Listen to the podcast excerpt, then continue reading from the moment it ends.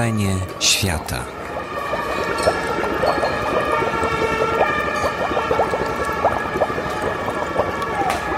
Dobry wieczór. Witam Państwa bardzo serdecznie w Faktycznym Domu Kultury na wieczorze poświęconym kolejnej książce wydawnictwa Dowody na istnienie. Jest to spotkanie wyjątkowe, bo jest to spotkanie z bardzo znaną debiutantką. E, jest to spotkanie o debiucie autorki, która jest jedną z najczęściej tłumaczonych autorek na języki obce. Ten debiut po raz pierwszy ukazał się 42 lata temu. Jest to jedna z ulubionych książek Mariusza Szczygła. I muszę Państwu powiedzieć, że jak już wyszło na jaw, że dowody na istnienie wznowią na wschód od Arbatu, bo o tej książce mówimy, to przyszedł Roman Kurkiewicz, taki wściekły, i mówi: No, to mnie urządziliście.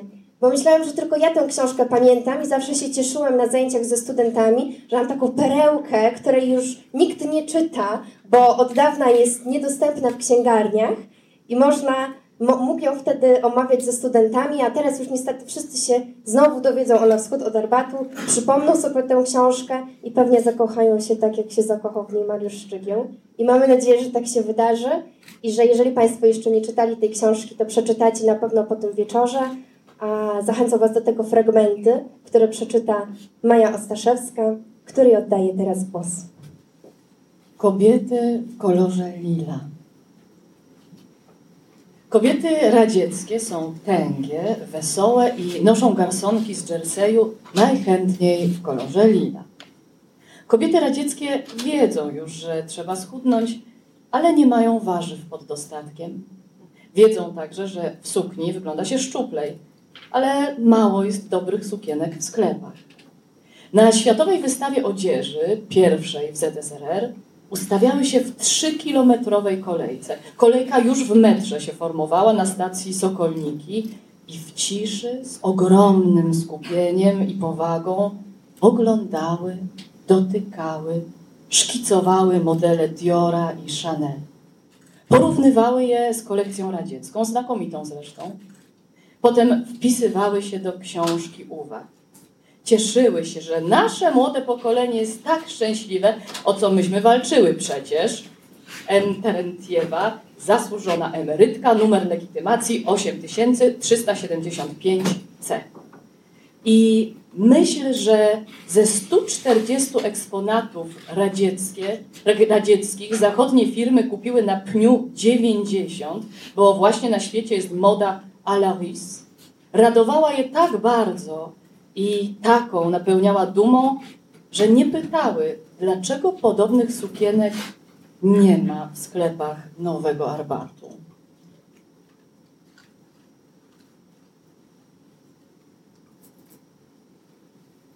Zasłużona emerytka zakładów numer jeden.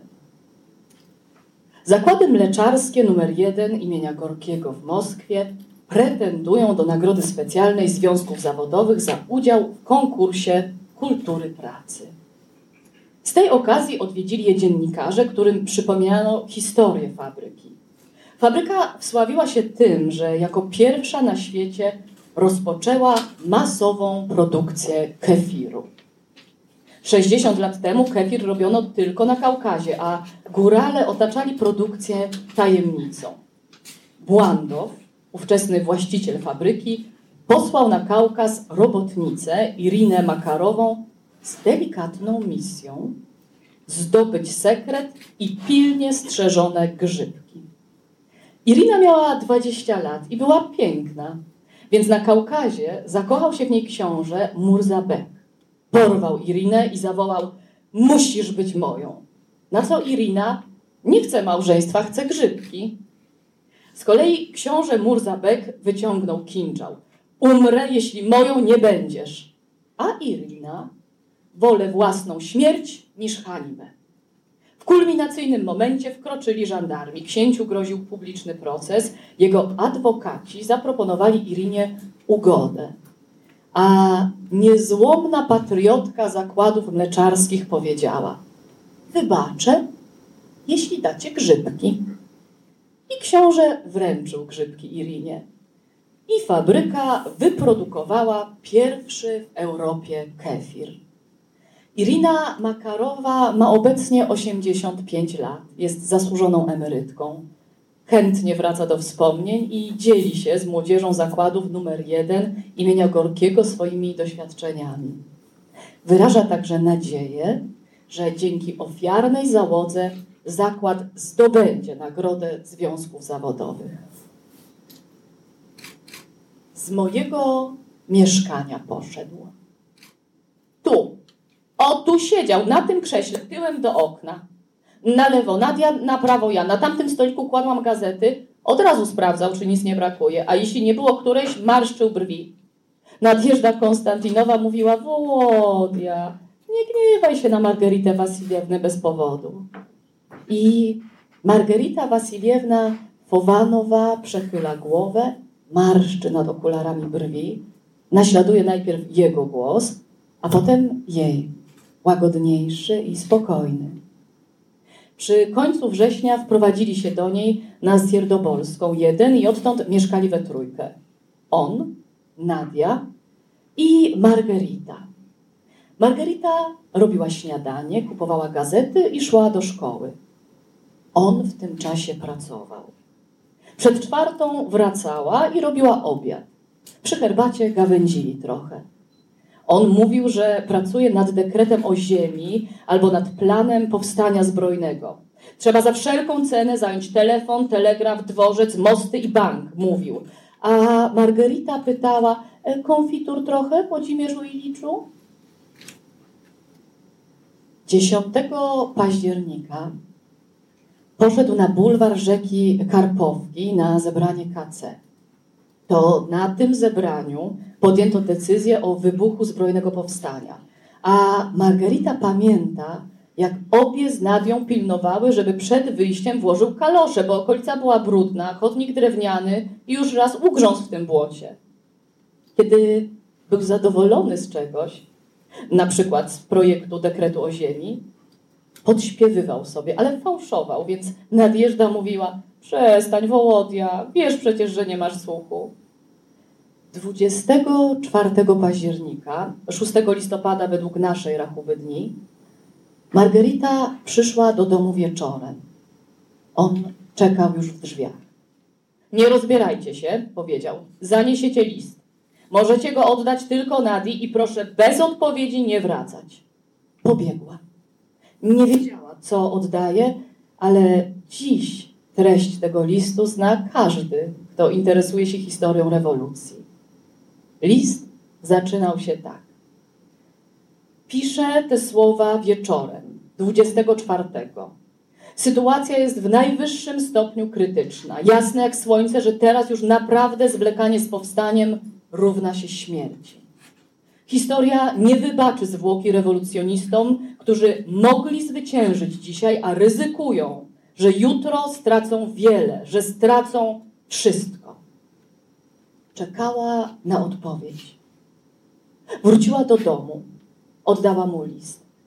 Odpowiedź go nie zadowoliła. Powiedział: Pójdziecie jeszcze raz. Historia powtórzyła się. Poszła znowu. Tym razem zapytała Krupską, jaką odpowiedź niosę. Krupska powiedziała: Chcę iść do Smolnego, ale towarzysze twierdzą, że jeszcze nie czas. Wróciła do domu. Przeczytał list, zaczął krzyczeć. Nie rozumiem ich. Idźcie, zapytajcie, czy mają stu pewnych czerwonogwardzistów. Stu, więcej nie trzeba. Znowu zaniosła list. Wróciła. Ale cały czas myślałam, kiedy on właściwie coś zje. I podczas gdy pisał kolejny list do KC, biegłam do kuchni. Przy drugim liście zrobiłam herbatę. Przy trzecim zupę zagrzałam. Przy czwartym powiedziałam w końcu: Wy możecie nie jeść Włodzimierzu i Liczu, ale ja już jestem głodna. Powiedział: Obiecuję wam, że bez obiadu do Smolnego nie pójdę. Poszła więc piąty raz. Nadjeżdża zapytała: Jak myślisz, uda się go zatrzymać w domu? A ja powiedziałam: Myślę, że tym razem na zgodę nie będzie czekał. Kiedy wróciłam, nie było go. Zapaliłam światło, weszłam do kuchni Sprawdziłam. Zjadłem. Weszłam do pokoju. Kaloszy nie było. Uspokoiłam się. Na moim stole leżała kartka. Ушел туда, куда вы не хотели, чтобы я уходил. do zwiedania Ilicz. Poszedł do Smolnego, do sztabu zbrojnego powstania. Rozpoczęła się rewolucja. Z mojego mieszkania poszedł, żeby stanąć na jej czele.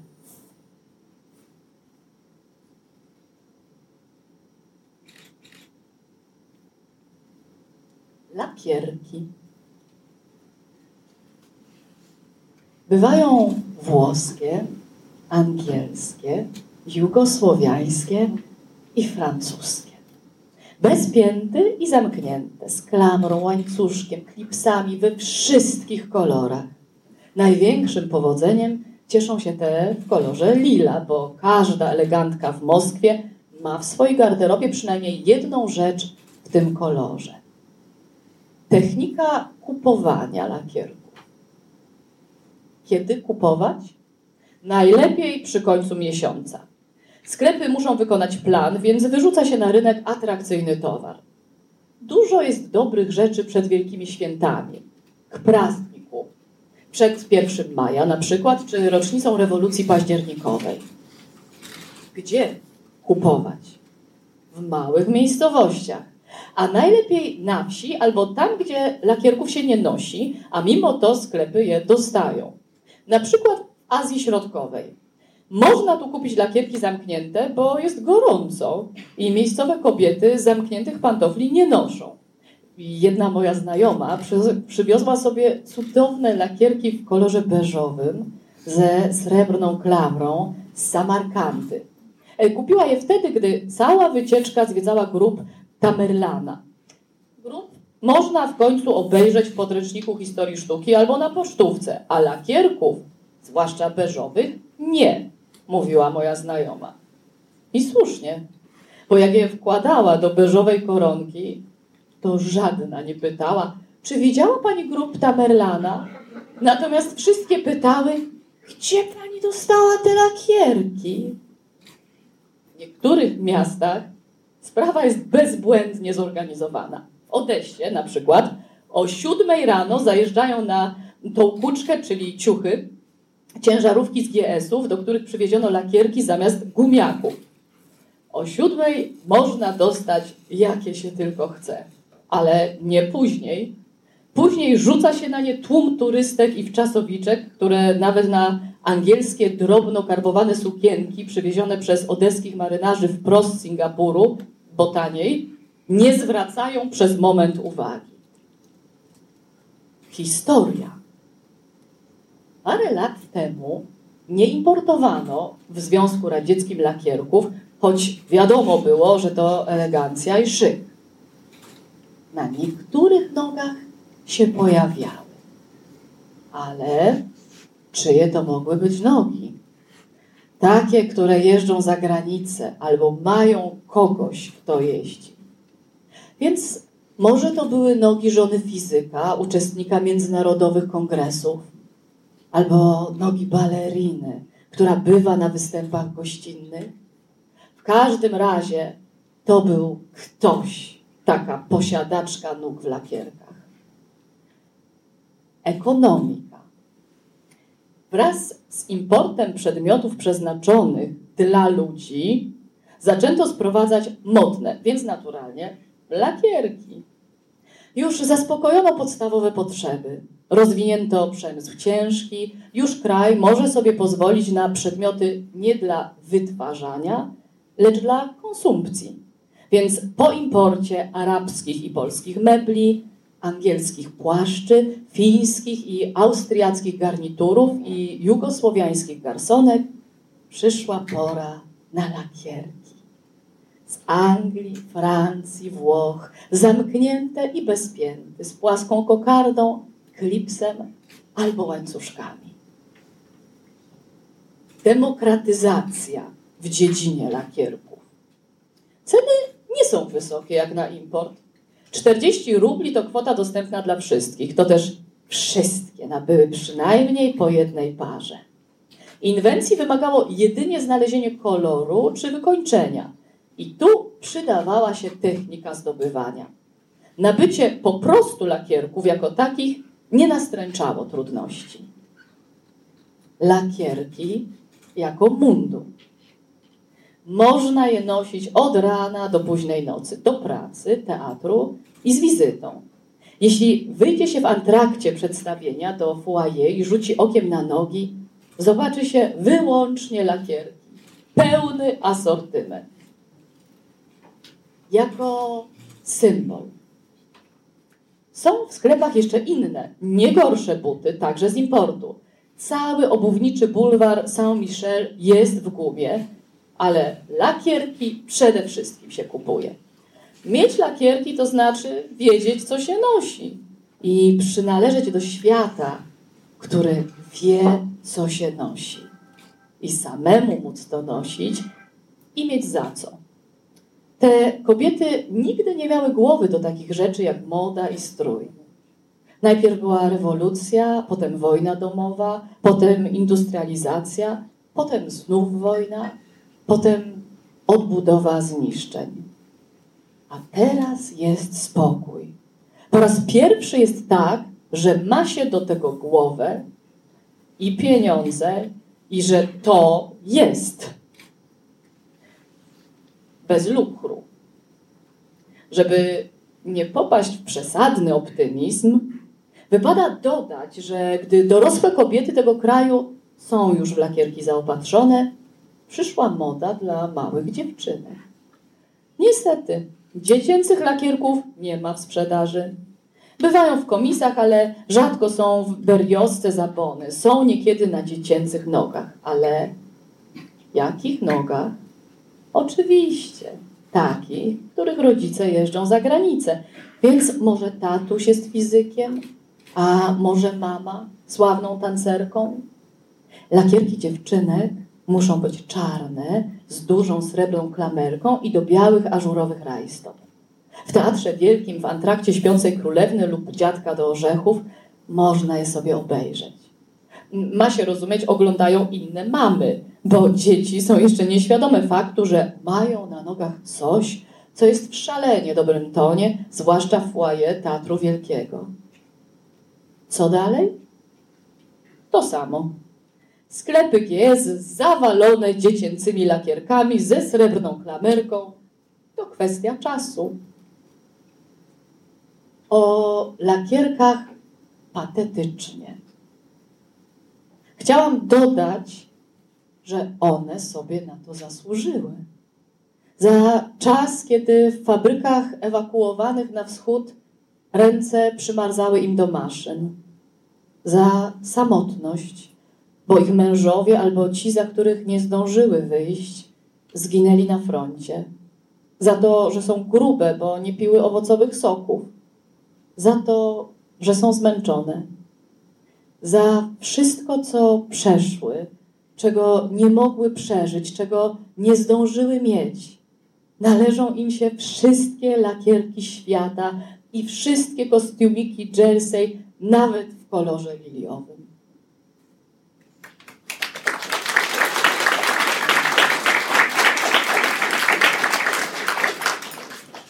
Dziękujemy Pani Marii Ostaszewskiej za ten fragment. Zdradzę Państwu, że jeszcze na koniec spotkania usłyszymy fragment innego reportażu. A teraz zapraszamy naszą debiutantkę, autorkę książki Na wschód od Arbatu i jeśli Państwo nie wiedzą, również autorkę, od której użyczyliśmy nazwę dla wydawnictwa Dowody na istnienie, Hanna Kral, z którą porozmawia Mariusz Szczypior.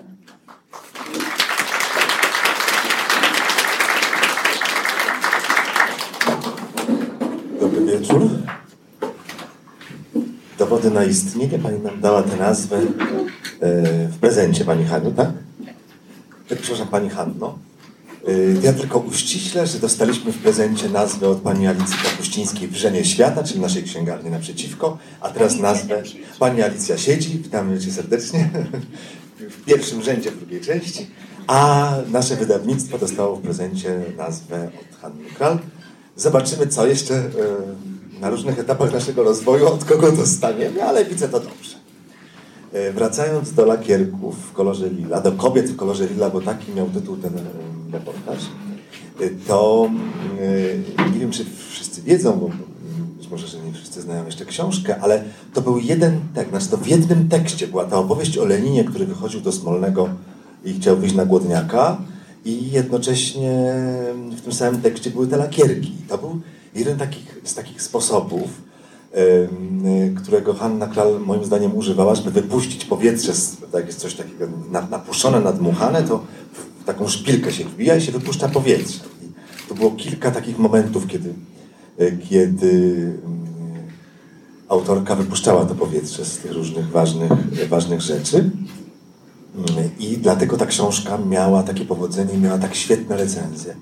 Ale od razu powiem, że wiele z tych recenzji, ja przejrzałem wszystkie recenzje, jakie miała książka na Suda Darbatu, bo jest takie archiwum w Domu Literatury. Są chyba wszystkie recenzje zebrane i muszę powiedzieć, że mnóstwo recenzji tej książki o Związku Radzieckim było entuzjastycznych i niepodpisanych. to znaczy były podpisane inicjałami. No ja rozumiem, że podobała się książka, ale autor się troszkę obawiał, że ta książka się będzie podobała, bo a nuż się czasy zmienią. To był rok wydania, e, pierwszy rok wydania to 71, tak? Dobrze. Drugi, przepraszam, drugi. E, Więc czasy się mogły zmienić, więc, więc e, recenzje były entuzjastyczne, ale, ale nie podpisane.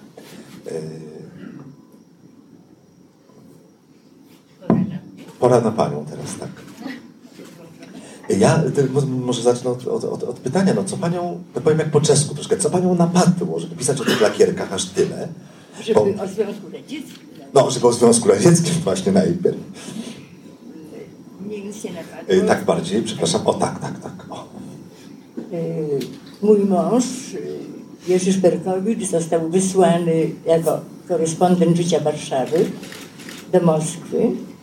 Wysłany głównie przez naszego świadka ślubnego Leopolda Ungera, który był sekretarzem redakcji wtedy w Życiu Warszawy. Y, Nie wiem, czy Państwo pamiętacie, kim był Leopold Unger, to bardzo później, po latach, kiedy wyjechał z Polski. Bardzo wybitny dziennikarz. Mm belgijskich gazet i, i, i potem kultury paryskiej i potem gazety wyborczej. On wymyślił, że mój mąż ma jechać, bo znał rosyjski, pochodzi z Wilna, chodził do szkoły tam, kiedy Związek Radziecki nastał w Wilnie i mój mąż ma tam jechać. Więc ja byłam przy mężu, ja z kolei wymyśliłam sobie, że będę pisała dla polityki. E, co nie wzbudziło zachwytu i polityka była lekko przerażona, kiedy ja powiedziałam, ja będę pisała ze Związku Radzieckiego. E, Bo to nuda straszna się szykowała. Było nuda. To miało no to była nudne, słuszne. nuda i teraz ja muszę jednak powiedzieć coś nudnego strasznie. Czym był wtedy Związek Radziecki? Bo lata 50. to jeszcze był taki cień nadziei. To był Chruszczow, który wygłosił pamiętny referat o zbrodniach y, Stalina. Y, To był Sołżenicyn, którego wydrukowano w Nowym Mirze, Twardowski go wydrukował. I wydawało się, że coś tam się zmieni, że coś z tego wyniknie. Lata 60. to był koniec tych wszystkich nadziei, to był Breżniew, to była ciężka nuda, to była beznadzieja i do tej beznadziei y, myśmy pojechali i o tej beznadziei ja napisałam e, książkę i tę beznadzieję, o której ja myślałam sobie, że jest to jakiś zapis, zapis y, jakiegoś czasu, jakiejś historii. Tę beznadzieję postanowił wznowić, em, tę beznadzieję w tej mojej książce postanowił wznowić Nasze wydawnictwo. e, pan Mariusz, co ja naprawdę, ja włożyłam dużo wysiłku w to, żeby mu to wyperswatować. I mówiłam, że tego nikt nie weźmie do ręki, że to jest e, takie historyczne, że to jest zapis jakiegoś czasu, no to jest w ogóle historia, kogo obchodzi dzień. Zrozumiałam, że pana Mariusza też to nic nie obchodzi. Żaden Breżniew, żaden Chruszczow, to go nic nie obchodzi.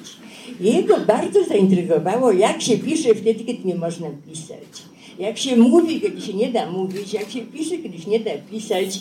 I zaczął wychwytywać takie e, sposoby, on to nazwał przemytem. Dla mnie to było oczywiste, oczywiste. No trzeba było e, po pierwsze tak pisać, żeby coś tam opowiedzieć, żeby nie robić ze siebie idiotki, żeby udało się I do tego wszystkiego, żeby dało się to jeszcze czytać, żeby, żeby redakcja chciała to wydrukować. No i tak powstał ten pomysł, karkołomny pomysł, naprawdę jak to czytałam, to skręcałam się ze wstydu.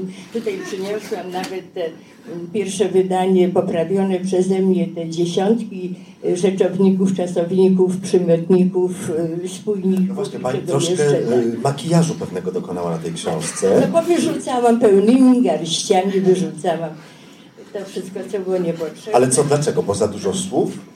No za dużo wszystkiego, tak, za dużo. No ale pani Hanna jest znana z tego. Pani Haniu, ile miało zdążyć przed Panem Bogiem lektura szkolna wydań? Wydań Wydań, zdążyć przed Panem Bogiem, ile miało by- wydań? w Polsce? No w Polsce. Ojej, 36 bardzo chyba. dużo. 36 naszym zdaniem. Naszym zdaniem Instytut Reportażu 36 wydań. I proszę Państwa, m- może to zdradzę, że jeszcze przy 35 wydaniu pani Hanna Kral nawet uznała, że jeszcze jedną stronę można usunąć. Ale nie z powodów jakichś, bo tam nie było jakichś tekstów, których by się wstydziła, tylko chodzi o to, że uważa, że to jeszcze można lepiej napisać przy 36 wydaniu. Więc to mm, no jest imponujące, ale męczące strasznie dla autora. Nie? Ale ułatwiam życie czytelnikom. No tak. No tak. Ale czego tutaj było za dużo zaimków? y, Wszystkiego, powiedziałam. No. Aha, Rzeczowników, czasowników, przymiotników, spójników nawet. spójników też. I, i, i to jest spójnik. I to jest spójnik, tak. No ja y, tutaj y, uż, użyła pani, pani Hanna słowa przemyt. No ja uważam, że jest rzeczywiście przemytniczką ze Związku Radzieckiego, bo te treści y, naprawdę y, są tak, tak, tak zmyślnie przedstawione i ja tutaj mam takie swoje ulubione pan fragmenty. właśnie, pan Mariusz ma ulubione swoje przykłady. No na przykład, bo tak, żeby mm, ci, ci mieszkańcy Związku Radzieckiego nie mogli tak wszystkiego mówić wprost o swoim życiu, bo różnie by się to mogło skończyć. No i Hanna Kral o tym wiedziała, chciała, żeby czytelnik o tym wiedział i na przykład powołała taką figurę korespondenta zagranicznego. I tam się pojawia korespondent zagraniczny, który, z którym mają do czynienia bohaterowie. No, wiemy z tekstu, że to jest właśnie ona, reporterka Hanna Kral, ale to jest korespondent zagraniczny i na przykład tu jest taki cudowny, cudowna taka sytuacja, kiedy, e, kiedy rozmawia pani z jedną e, z jedną bohaterką, już, już, już, już, już?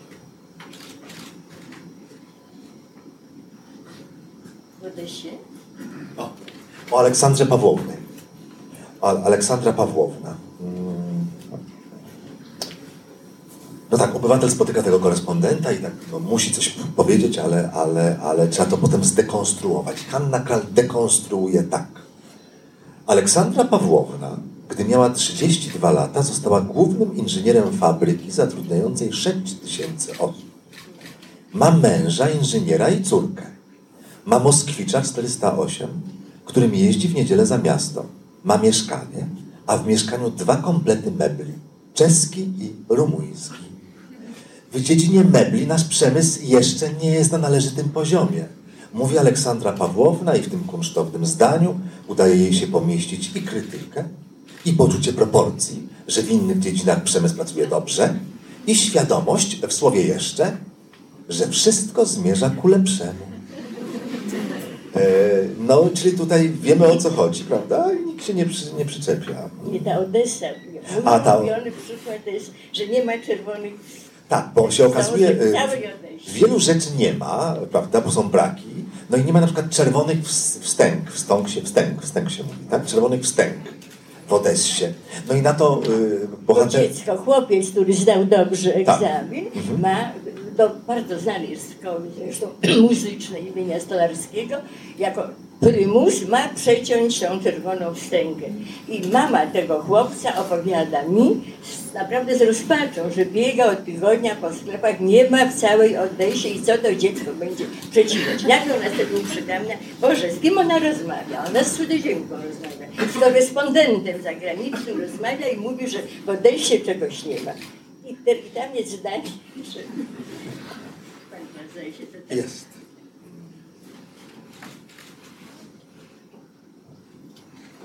I nic dziwnego, że nie ma czerwonych wstęp, wstęg, mówi mama Diaczenko. Przecież bardzo dużo nowych obiektów oddaje się ostatnio do użytku. No to już Państwu się przyznam, że ja z pamięci to powiedziałem, bo już to znam po prostu na pamięć. Y, Czy w tych tekstach były jakieś ingerencje cenzorskie? Nie. W tych nie. w tych nie, y, bo ja, y, no bo ja byłam chytra, pisałam. Ale muszę coś koniecznie opowiedzieć, bo kiedy pani Maja, kiedy Maja, pani Maja czytała o, mm, o tej, jak zaczęła się rewolucja październikowa, jak poszedł Włodzimierz Ilicz w tych kaloszach, steroryzowany przez te dwie kobiety, to przypomniało mi się y, coś, co jest y, taka drobna i trochę śmieszna historia, ale mam wrażenie, że w niej sporo się mieści. Mianowicie myśmy były, byliśmy wtedy, kiedy było 50-lecie rewolucji październikowej. To był 67 rok. I moja córka chodziła wtedy już do szkoły, do pierwszej klasy. I Ale tam, tam w Moskwie już. w Moskwie już, tak, tak. I wracała, tak, no, biedne, umęczone dziecko wracało, ponieważ bez przerwy były jakieś próby. Miała być akademia i były próby, były deklamacje, były śpiewy. I dziecko moje wracało, kładło się na tapczanie i mówiło pięćdziesiąt, pięćdziesiąt. Czyli 50. 50. Kasina, czego 50? Ona by się zrywała. I mówiła, 50 lat wielko, w октября.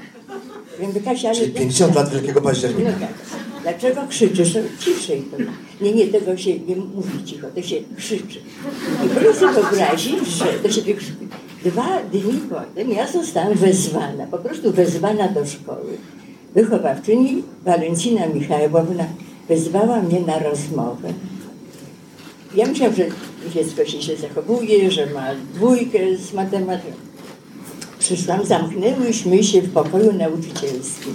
I Walencina Michałowna, która była naprawdę bardzo dobrą matematyczką, bardzo dobrą nauczycielką, spojrzała na mnie, tak zajrzała mi w oczy z taką wielką, takim zatroskaniem, z taką powagą, no nie chcę powiedzieć, że z bólem, ale naprawdę z bólem. Powiedziała, a wy znajecie co? A Katarzyna nie znaje, co to był wielki akciak. A to zrozumiecie Państwo, tak? Katarzyna nie wie, co to był Wielki Październik. Co to był. Ja patrzyłam na sobie, ja nie powinnam teraz wybuchnąć śmiechem, absolutnie, to to będzie. I popatrzyłam, próbowałam znaleźć jakieś porozumienie w jej oczach, a tam była tylko taka powaga. Ja powiedziałam, nie użyj, czy to jest możliwe, że moje dziecko nie wie. Ona powiedziała, tak, Katarzyna nie zna. Myślałam, że właściwie ta Walentyna Michałowna była naprawdę świetną nauczycielką, była bardzo dobrym człowiekiem, bardzo takim przyjaznym. E, I pomyślałam, że w tym właściwie jest wszystko, jest to, co można zrobić z człowiekiem, z głową, z głową człowieka, czego ja nie, nie, nie wyobrażałam sobie przed przyjazdem do, do Związku Radzieckiego, a jednocześnie mm, była to osoba, którą ja bardzo lubiłam.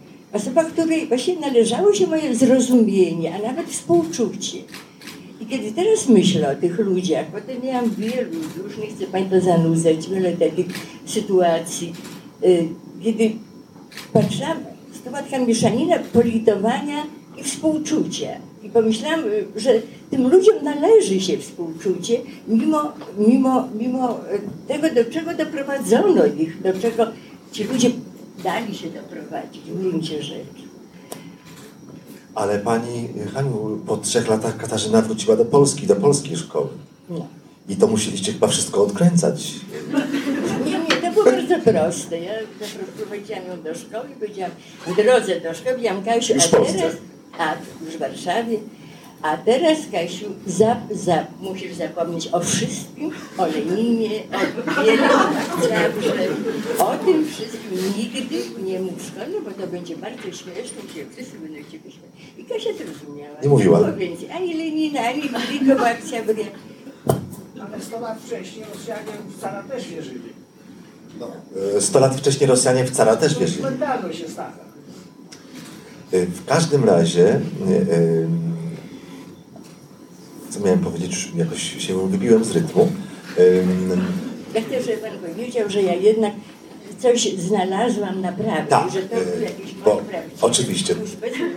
Bez mrużenia oka, Bez są w tej książce pewne Dwa. odkrycia, dwa, co najmniej Super, dwa. jestem dumna.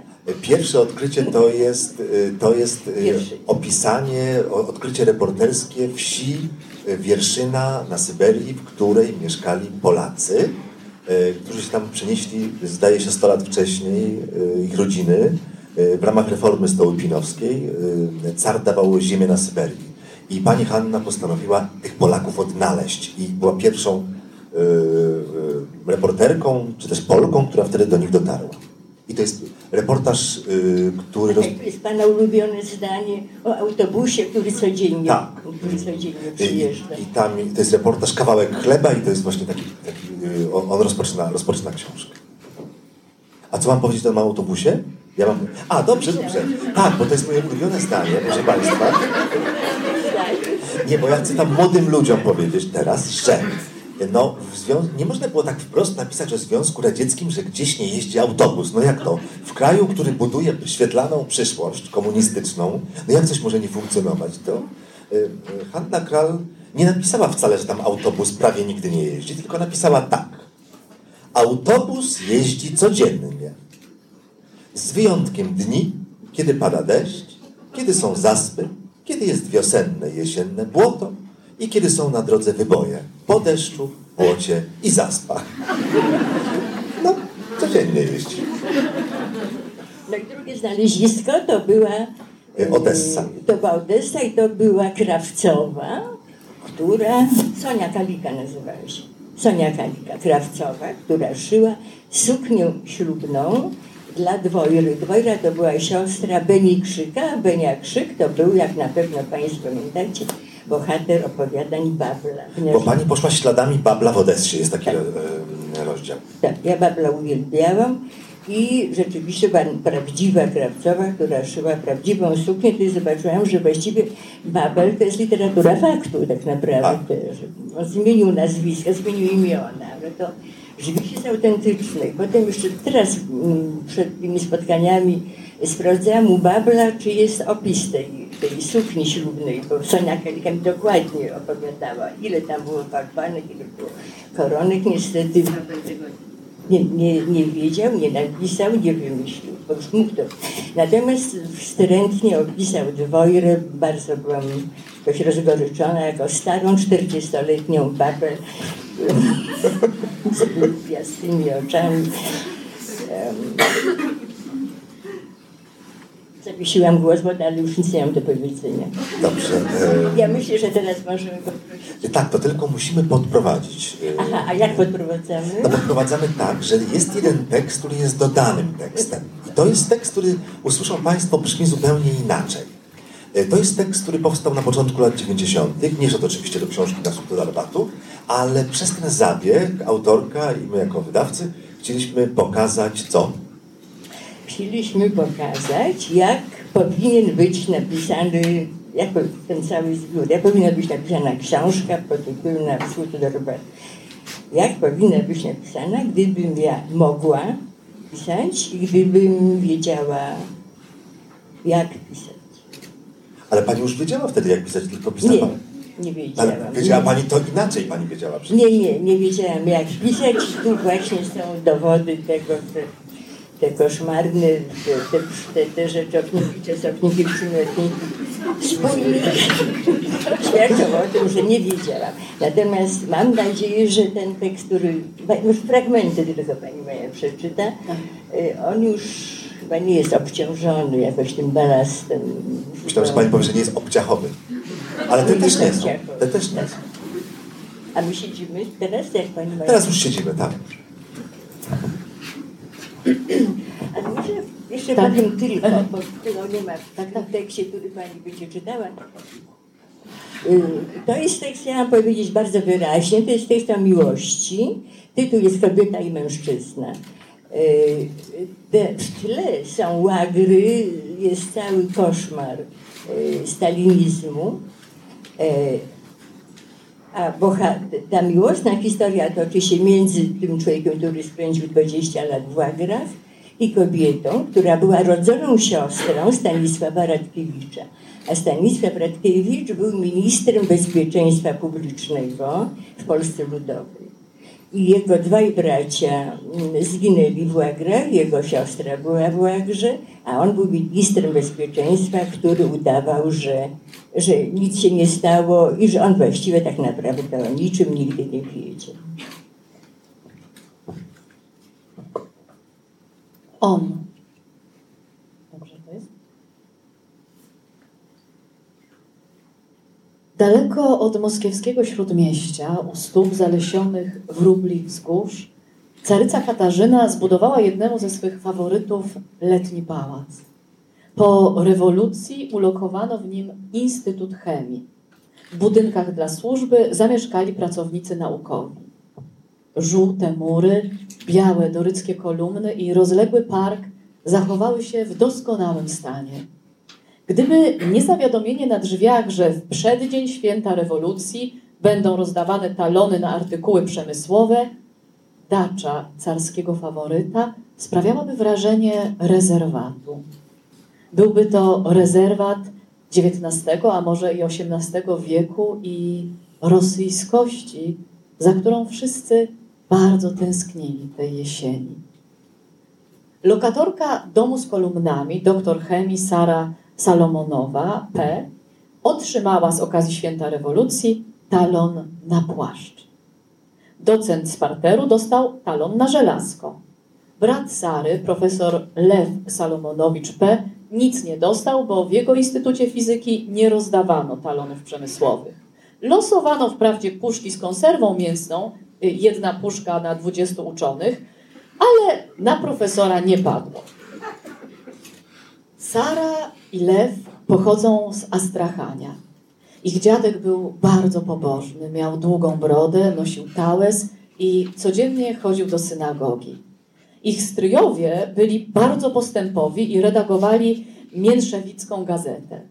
Ich nie mniej postępowy ojciec był inżynierem we flocie naftowej. Po studiach Lew Salomonowicz P. został asystentem Aleksieja Kryłowa, wielkiego leningradzkiego matematyka i budowniczego statków. Kiedy w 1937 roku Lwa Salomonowicza aresztowano, kolega z doktoranckiego studium wyraził pogląd, że organ KC, woprosy filozofii są wielkim głównym. Lew Salomonowicz zaś, jak napisano w akcie oskarżenia, pogląd ów milcząco zaaprobował. Profesor Kryłow napisał do Mołotowa długi list. Zawiadamiał w nim, że Lew Salomonowicz jest człowiekiem wyjątkowego talentu, który szybko chwyta istotę najtrudniejszych spraw. Z przenikliwością szczególną pojął dzieło admirała Nelsona o zasadach dowodzenia okrętami. Dzięki tym właśnie zasadom, dodał profesor w liście do Mołotowa w 1937 roku, Nelson wygrał bitwę pod Trafalgarem, która to bitwa umocniła na ponad 100 lat morską potęgę Anglii. Jeśli wasz asystent oskarży się niewinny, odpisał Mołotow, to za tydzień będziecie w waszym gabinecie popijali herbatę z rumem. Lew Salomonowicz P. wypił herbatę z rumem po 18 latach, 5 miesiącach i 11 dniach. Zwiedził w tym czasie 12 więzień, trzy łagry i przeżył dwa zesłania. Pewien młody fizyk spytał Lwa Salomonowicza o te 18 lat. Zacznijmy od konkluzji, zaproponował. Od praw podstawowych, z którymi się stamtąd powraca. Rozmawiali w Instytucie Fizyki. Po zakończeniu swoich codziennych obowiązków, polegających na badaniu i opisywaniu plazmy, Lew Salomonowicz P. przedstawił młodemu fizykowi, fizykowi prawdy podstawowe. Prawda pierwsza. Mięso wron nadaje się do jedzenia, a mięso kawek się nie nadaje. Prawda druga. Z kleszczy nie ma pożytku, a z wszy jest. Wszy kładzie się na blaszce, nad puszką z ukropem, a wytopiony tłuszcz z zanurzonym knotem nadaje się do oświetlenia. Prawda trzecia. Zdobycie pożywienia jest ważne, owszem, ale równie ważna jest praca systemu trawiennego, zwłaszcza gdy na wypróżnienie dają ci 5 minut. Prawda czwarta. Nie wolno podpaść kryminalistom. Prawda piąta. Krok w prawo i krok w lewo uważa się za ucieczkę. Broń będzie użyta bez uprzedzenia. Prawda szósta. Nie myśl, że jesteś światu szczególnie potrzebny. Gotów będziesz uwierzyć, że ci wszystko wolno, że wolno ci nawet odebrać koledze kromkę chleba. Myśl raczej, że świat może się bez ciebie doskonale obejść, a i ty obejdziesz się bez świata. I siódma prawda. Jeśli już uparłeś się przetrwać, to żeby żyć dla żadnych innych celów. Podobno, ciągnął Lew Salomonowicz, byli tacy, co trwali, żeby opisać. Słyszałem o nich, ale ich nie spotkałem. Co do mnie, chciałem żyć. To wszystko. Lew Salomonowicz wspominał niekiedy siebie samego sprzed lat. Obcy facet, stwierdzał zdziwiony. Nie znam go. Nigdy go nie spotkałem. Opowiadał o nim ze spokojnym zaciekawieniem, jak gdyby obserwował i opisywał plazmę, gaz poddawany wysokim energiom. Kryminaliści mieli zwyczaj grać w karty o rzeczy należące do więźniów politycznych. O paczkę przysłaną z domu, o koszulę albo o głowę. Głowę odrąbywał ten, który przegrał. Wynosił ją za ogrodzenie zony i dopiero wtedy honorowy karciany dług spłacony był do końca. Pewnego dnia kryminaliści zagrali o głowę znienawidzonego kumpla nazwiskiem Faworski. Nazajutrz rano głowę Faworskiego znaleziono za drutem, a tułów w kloacznym dole. Tułów na polecenie brygadzisty wyciągnął Lew Salomonowicz P. Był to dobry dzień bo po wykonaniu zadania nie posłano go już do lasu, do roboty. Położył się na pryczy, zjadł porcję cukru przeznaczoną na dzień następny i był szczęśliwy. Lew Salomonowicz zachorował na zapalenie płuc. Po chorobie był słaby i nie nadawał się do pracy. Uratował go lekarz. Powierzył mu grzebanie ludzi zmarłych w szpitalnym baraku. Była to praca lekka, bo dół kopali inni więźniowie. Należało zwłoki wywieźć, ułożyć w dole i zasypać ziemią. Jeździł saniami. Starał się tak układać ciała, by nie sypać im ziemi na twarz. Ziemia była zmieszana ze śniegiem, breja, jaka tworzy się na wiosnę w tajdze i tundrze. Zmarli nie mieli ubrań ani nazwisk, Mieli tylko tabliczki z numerami. Zastanawiał się nad obrzędem pochówku. Wiedział, że istnieją różne zwyczaje, ale ich nie znał. Wygłaszanie przemówień byłoby śmieszne. Modlitwa byłaby fałszem, ponieważ nie wierzył w Boga. Wymyślił własny obrzęd. Obchodził kilkakrotnie mogiłę, poruszając rękami, jakby to były skrzydła. Chyba przypominał ptaka. Myślał, niech sobie polecą gdzieś, byle dalej stąd. Najdalej. Później śpiewał najchętniej pieśni, które lubił, na przykład stare romanse. Ciorne rozy, emblemy pieczali w czas rozstawania z Judaja przyniósł. Pełny trwogi, my oba młoczali. Хотелось nam płakać, no nie było слез. Wsiadał do pustych sań i zawracał konia. W drodze powrotnej wygłaszał jednak w myślach przemówienie, zawsze złożone z tych samych słów. Odeszliście. W porządku. Ale my się jeszcze z nimi policzymy. Z kim mieli się policzyć? Kto i w jaki sposób?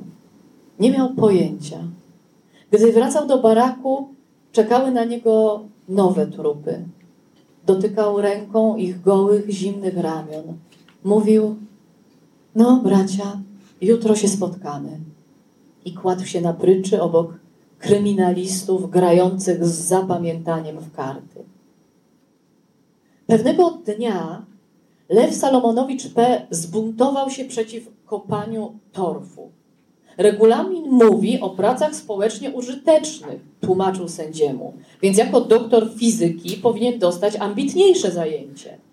Sędzia, duża, postawna kobieta wykarmiona syberyjskimi mrożonymi pierogami, kazała mu znaleźć sobie pracę użyteczną. Znalazł ją na wyspie na Angarze. Było tam małe lotnisko dla hydroplanów. Został mechanikiem i tankował paliwo. Generał NKWD, który wylądował na wyspie, dał mu pracę jeszcze użyteczniejszą ekspedycji geologicznej szukającej żelaza. Lew Salomonowicz był po wyroku łagrowym, lecz na zesłaniu.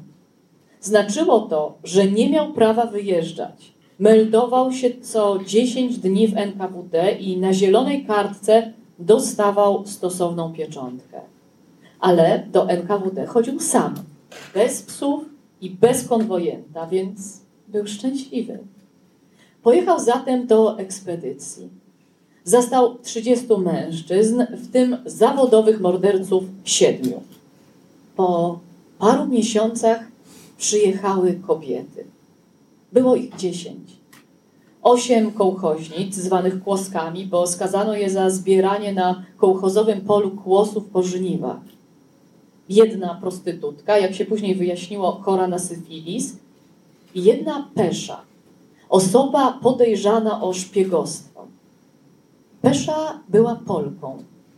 Miała na imię Anna, 22 lata, piękne nogi i oczy niezwykłego koloru, zielono-błękitne.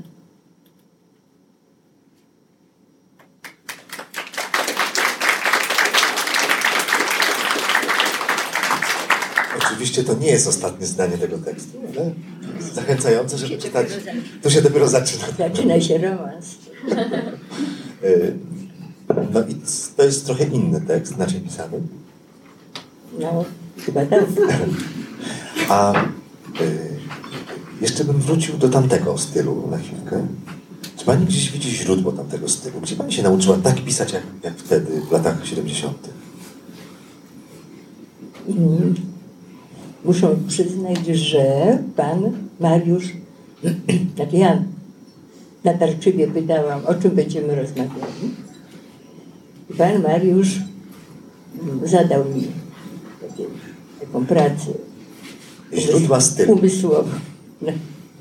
Czym się różni, tak zresztą brzmiało, czym się różni to późniejsze pisanie od, mm, od tego dawnego. Yy, A ja jako taka dawna, sumienna uczennica wykonałam tę pracę, odrobiłam. I pomyślałam sobie, że y, przez wiele lat, przede wszystkim w Związku Radzieckim, ale i potem po powrocie do Polski, to ja opisywałam świat w przestrzeni. Znaczy ja przemierzałam ten świat. I w Związku Radzieckim to było oczywiste, bo ta, te przestrzenie były wielkie i urzekające. E, I taka podróż do Wierszyny, mimo że trochę to było śmieszne, a jednocześnie było w tym coś, coś fantastycznego. Ta podróż przez tajgę była czymś wspaniałym. I to przemierzanie wielkich przestrzeni było wspaniałe. Kiedy ja przyjechałam do ja musiałam rozpoznawać jakby ten świat. To mogłam pisać, nie mogłam pisać, ale jednak chciałam to obejrzeć, coś zobaczyć.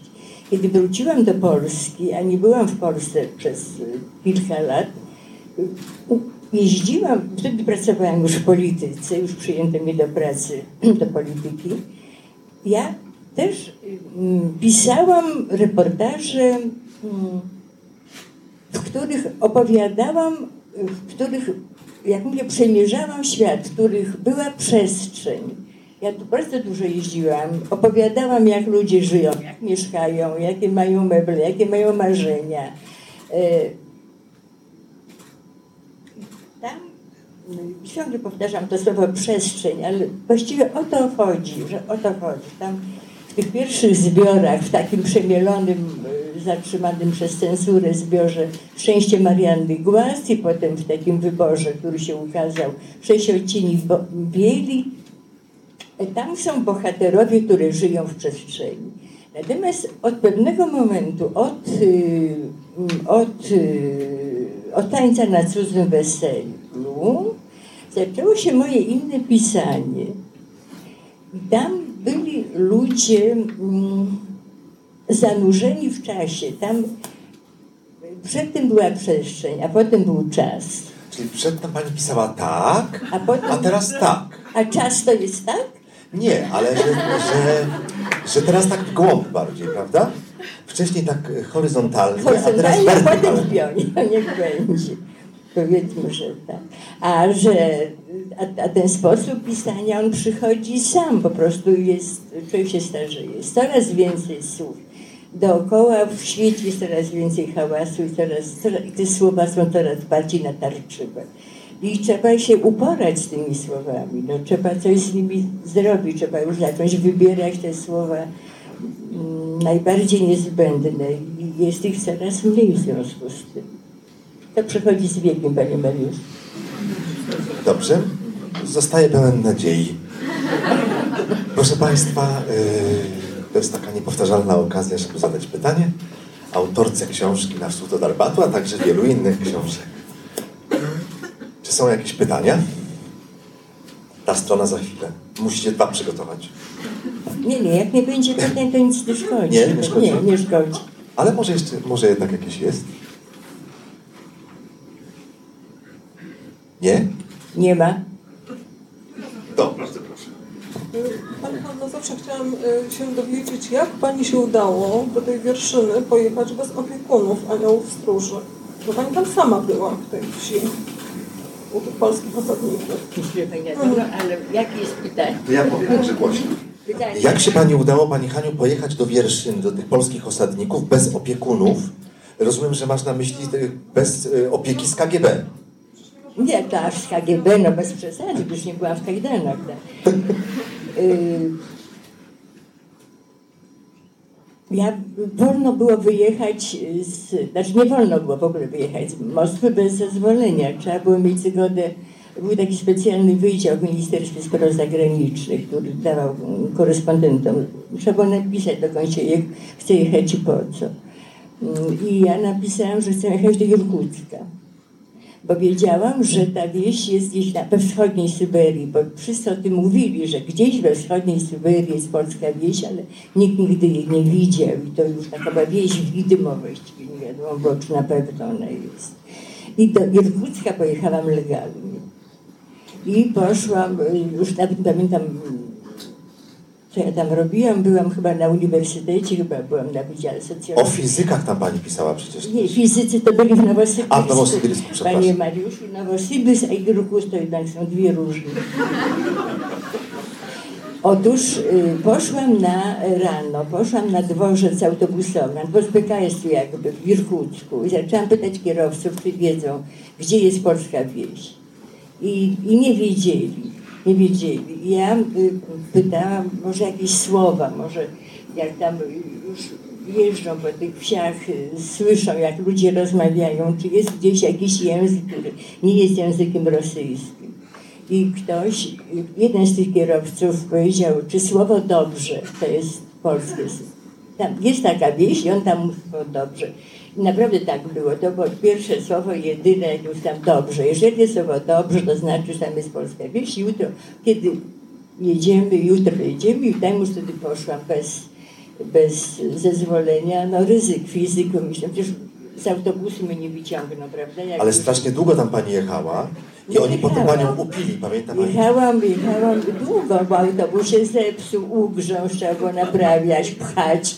No, Naprawdę ten był cudowny ten stosunek pasażerów. Oni sobie śpiewali, y, jedli jakieś twarde jajka. Ja nic, ja nie wiedziałam przecież, że to tak będzie wyglądało, więc nic nie miałam, nie miałam nic do jedzenia. Piosenek nie znałam, siedziałam i zaczęłam wątpić. Już po prostu myślałam, że to jest, że, że, że nie, że jakieś wielkie nieporozumienie, czy ja kiedykolwiek wrócę. I już, już zapadła noc, już było ciemno, już ten czołgał się jakoś ten autobus przez tą tajgę. I się zatrzymał, tam był przystanek. I wszedł jakiś mężczyzna i zwrócił się do czekających na przystanku i powiedział, no dokładnie tak to brzmiało, no dziołuchy siadojta, a nie strojta. I wtedy to była jedna z, jedna z piękniejszych, chwil w moim życiu.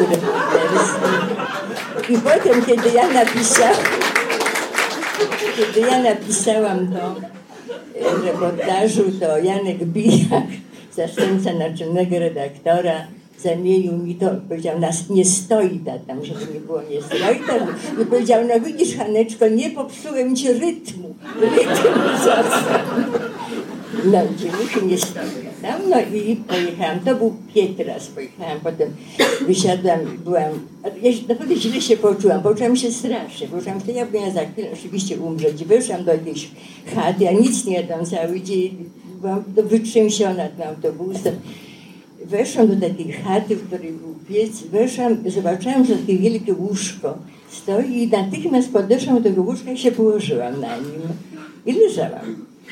I ten Piotr tak stanął nade mną i powiedział, Hania, bo już powiedziałam jak się nazywam, Hania, ale ty nie przyjechałaś tutaj umierać. Ja mówię, nie, nie, nie, to na pewno nie. I wtedy zaczęli mnie leczyć i wtedy krzyknęła Petrasowa tam, Helka, przynieś no krople. I ta dziewczyna pyta, a od boleści czy od słabości? Wtedy zrozumiałam, że dwa lekarstwa jest od boleści od. Ja powiedziałam wszystkie po prostu. No wtedy się okazało, że te krople są wpuszczone do szklanki pindu samogonu. Ona wypije, Hania pije sama, pędziła. I wypiłam rzeczywiście całą szklankę samogonu z tymi kroplami i naprawdę ożyłam, wyzdrowiałam. To było to piękne. Pani Aldon, po prostu było to piękne. Widzę w Pani oczach podziw i zazdrość.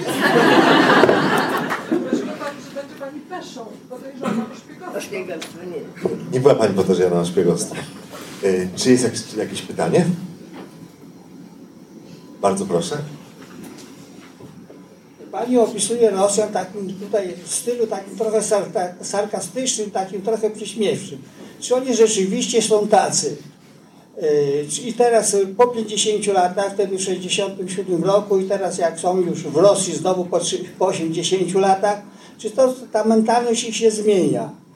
Bo, o, bo ta, tutaj tak pani pisze 18 lat, naukowiec i tak jakby tu minęło i on to się nie przyjmuje. Ale oni nie są śmieszni. Jeszcze chwileczkę.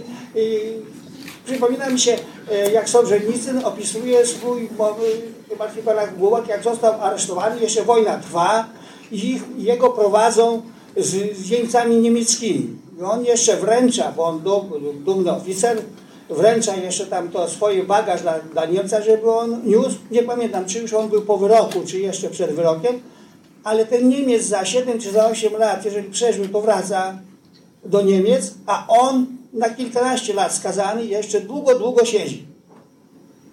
I on to jakoś też wtedy znosił. Jakoś on wierzył w to Wielkorosję, wielkie posłannictwo i nas to dziwi, a u nich to chyba jest normalne. Nich to podejście jakieś takie, im się nie śpieszy, czy ten klimat, czy ta przestrzeń. Czy ta dusza rosyjska. Właśnie, ta, ta dusza ja rosyjska, ta dusza rosyjska. Ale ja nie, nie będę odpowiadała, bo nie chcę w ogóle wchodzić w, ten temat Rosji, Rosjan, duszy rosyjskiej. Nie chcę. Ja nie byłam, nie jeżdżę już teraz do Rosji. To jest w tej chwili zupełnie nowa jakby dziedzina wiedzy, dzisiejsza Rosja. Y, Ja ostatni raz w 91 roku, wtedy kiedy napisałam ten reportaż Mężczyzna i kobieta. Y, Wtedy to było straszne, wtedy to był, to był taki rozkład, taki rozpad, taki, no, nie było nic do jedzenia. Ja wtedy mieszkałam u naszego korespondenta, u Szymana Wójki i on prosił, żebym przywiozła ze sobą żółty ser i przywiozłam półtora kilo sera i żeśmy się tym żywili i to była taka beznadzieja, inna już beznadzieja, bo można było już rozmawiać, można było y, y, rozmawiać spoko- swobodnie jak z tym moim, właśnie tym moim bohaterem ale mm, dzisiaj Rosja jest jeszcze inna. Za każdym razem jest to inna Rosja i ja się nie podejmuję, nie, nie, nie, nie będę odpowiadała na to pytanie, dlatego że nie czuję się po prostu kompetentna. Dzisiaj trzeba zaprosić już zupełnie kogo innego, żeby o tej Rosji rozmawiać. Ale ja nie piszę sarkastycznie, nie pisałam sarkastycznie, nie. Nie, ja, y, ja, ja mam poczucie, że z tymi ludźmi można być w najgorszych czasach, w, naj, w najtrudniejszych chwilach. Ja byłam w Odessie z dzieckiem w 1968 roku w sierpniu, wtedy kiedy była y, wkroczenie, tak, interwencja w Czechosłowacji, kiedy zapanowała histeria i mój mąż wyjechał do Moskwy, ja zostałam sama z dzieckiem i no, uległam tej panice, tej histerii. E, I wtedy y, gospodyni, której mieszkaliśmy w Odessie i która mówiła, no Boże, znowu nam ktoś zagraża. To nie o to chodziło, że ona, że oni wkroczyli, tylko że im ktoś znowu zagraża, że tyle lat było spokojnie i znowu będzie jakieś nieszczęście. I kiedy ja powiedziałam, że ja ran, i ona usiadła przy mnie na łóżku i powiedziała, Hanoćka, ty nie walnuj się, my was prakornim. Oni nas, my z nimi nie zginiemy, moja córka i ja nie zginiemy. I ja powiedziałam, że ja rano chcę jechać na lotnisko i żeby mi zorganizowało jakiś samochód.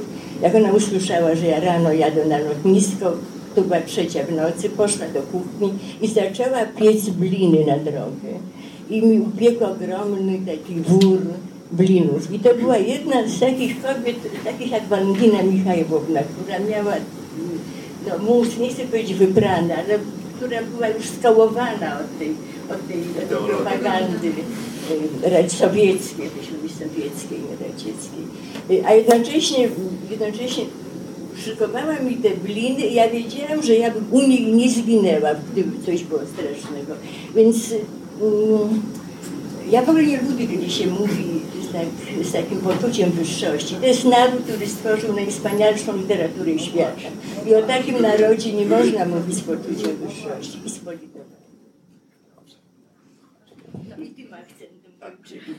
Bardzo Państwu dziękujemy. Hanna Kral.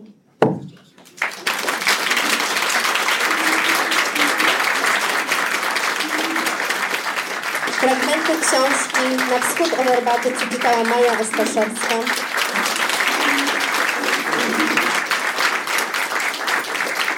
A książka Na wschód od herbatu ukazała się w serii wydawnictwa Dowody na istnienie, w serii Faktyczny Dom Kultury. W tej serii wyszły również dwie inne książki Nie oświadczam siebie Sława Łuki oraz Noc generała Gabriela Meretika. Na spotkanie o Nocy Generała i o stanie wojennym, o którym traktuje ta książka, zaprosimy Państwa 11 grudnia.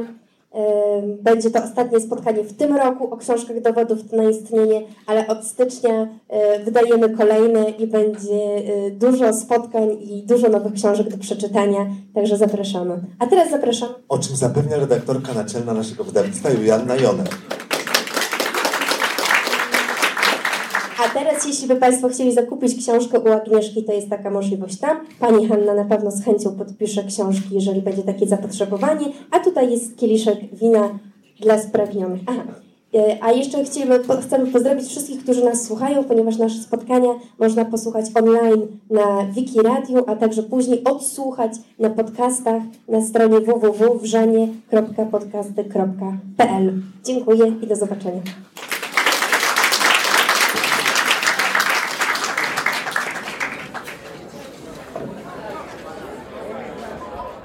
Fundacja Instytut Reportażu zaprasza do swojej księgarni z literaturą faktu i kawą Wrzenie Świata na ulicy Gałczyńskiego 7 w Warszawie.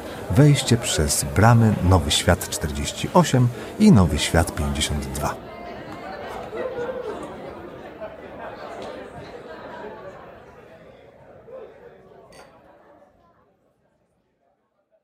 Zapraszam do słuchania pozostałych podcastów Wikiradia. Można znaleźć je na stronie podcasty.info ukośnik Wikiradio.